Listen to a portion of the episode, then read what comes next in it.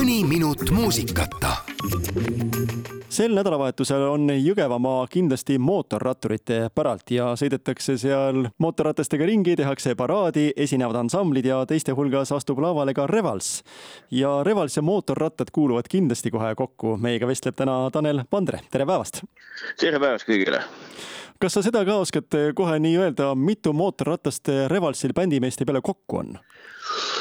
Kuus, ma arvan, tuleb esimese hooga. kolmel on ja, ja kokku ma arvan, et on mingi kuus-seitse ratast. Tanel, kust üldse sinu motopisik kunagi alguse sai? minu motopisik sai alguse sellest samast tegevusest, mida ma aastaid teinud olen, ehk siis pillimängust, et ja see juhtus väga hilja et mul oli sihuke, ma olen ikka nalja teinud, et, et ma oma sellise keskea kriisi kuulutasin ametlikult välja kolmekümne viie aastaselt, et, et kus ma siis ostsin esimese tsikli omale olin enne väga põgusalt kokku puutunud, et enam-vähem teadsin, kuidas käigud käivad ja kuhu poole minema peab hakkama. aga põhjus oli lihtne tegelikult, et ma tahtsin sellist nagu oma asja saada, et kus ma saan tõesti nagu omaette olla ja, ja kõigest nagu nii-öelda maha käia, et, et kui sa pidevalt oled mingisuguses sellises tohutus sotsiaalsuses ja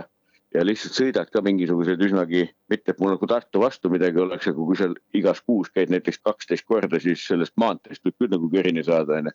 et eh, kuskil bussis loksudes, et siis ma ostsingi tsikli, siis ma hakkasin mingil hetkel hakkasin esinemistel käima, et noh, kui oli võimalus oma pillid ja muu jama nagu kuidagi kellegi teise peale sokutada.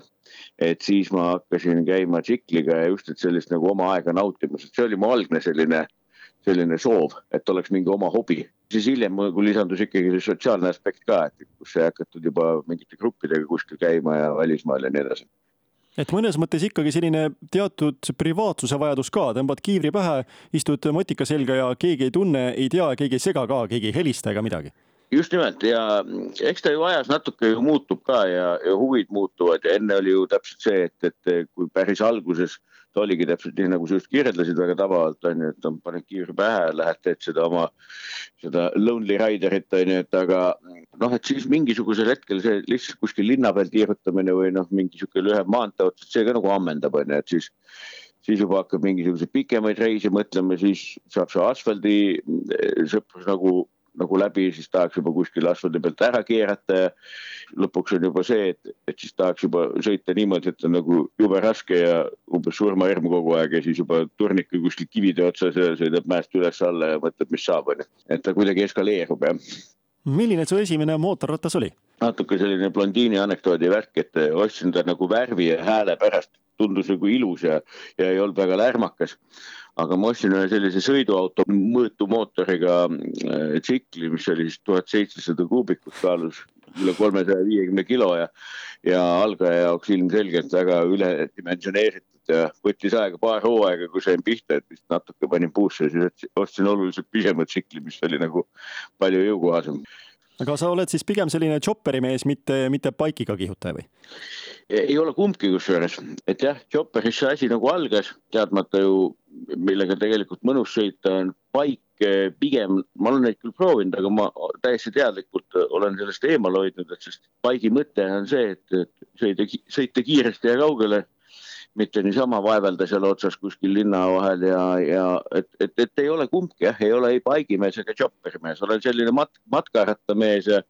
natuke sellise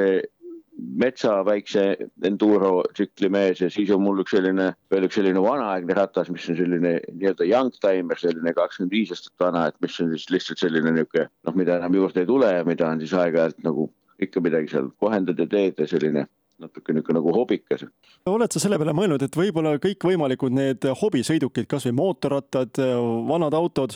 ka youngtimerid autodena, et kas see ongi midagi sellist, mis seob Eesti inimese kuidagi kokku, et kui me muidu olemegi omaette, keegi ei taha väga kellegagi suhelda, kuskil pööratakse pea ära, kui keegi vastu tuleb, tere, väga ei öelda võõrale, aga siis, kui need hobiinimesed omavahel kokku saavad, siis on kõik suured sõbrad ja põhjust on rääkida ja, ja kokku saada küll. tõsi, tõsi, ei, ei, seal on väga-väga tõsine tera tõtt, eks ole, jah, see ei ole üldse mingi Eesti fenomen, et neid eh, ju selliseid väga, eh, väga spetsiifilisi natuke vähe spetsiifilisi, laiemalt avalikkust huvitavaid sündmusi ju korraldatakse väga paljudes kohtades ja õnneks ka Eestis ja täpselt nii see seal läheb, et, et eh, kui on ikkagi mingi huvitav teema, siis see jutt hakkab nagu jooksma ja ja tekib ju kirg ja, ja nii edasi, nii edasi ja kogemused ja muljed. Et, et, et kindlasti on ta kõva selline hea lõhkuja jah, et ei, ei vaidle vastu ja õnneks neid sündmusi, sündmusi ju leiab aset palju, seesama, mille raames me ju räägime Jõgeva trehv, millel on ju väga-väga pikk ajalugu, eks ole, kindlasti hea näide on ju, et noh, et kui muidu ei näe, et siis korra aastas ikka on ju ja ja saadakse uusi tuttavaid ja mõeldakse, kellega kuhu sõita ja nii edasi, nii et jah, et see ühendav, ühendav moment sellises eh, motohobis laiemalt on kindlasti olemas, aga noh, eks ta on ju ka spordis või muusikas või milles iganes, eks ole, ma ei tea, teatrihuvi või, aga lahe, kui ta on. kindlasti on see ka, kui tore, kui neid on mitu või need ajas muutuvad, nii et see on täiesti elu minu meelest selline nagu toredam osa mis kellaks, kuhu täpsemalt homme kohale tulla, et Revalsi kontserdist osa saada? Revalsi kontsert kõikide eelduste kohaselt leiab aset eh, umbes poole ühe paiku, vähemalt nii on meile öeldud ja selleks ajaks me seal valmis ka oleme. et, et siis eh, motoparaadid eh, väärikalt vastu võtta ja neile siis korralik kantriroki selline sett pakkuda puhtas emakeeles, nii et märksõna on siis jah, selline ühe paiku suurtes piirides sinu soovitus kõigile neile, kes tõesti tunnevad, et ükskõik, kas on see keskeakriis tulnud või mitte, aga tahaks kangesti ikka selle mootorratta ära proovida, kunagi pole omanud, kas pigem jah või ei?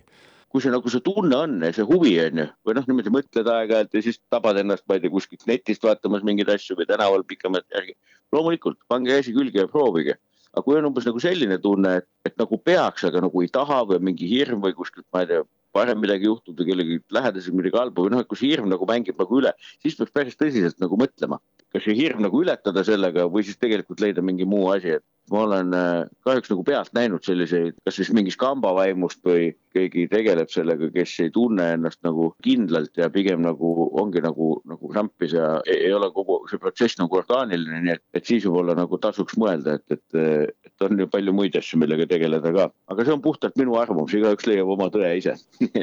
suur aitäh, Tanel Vandre meiega vestlemast, ohutuid kilomeetreid ja mõnusat kontserti homseks! aitäh kõigile ja kohtumiseni siis lava peal ja ees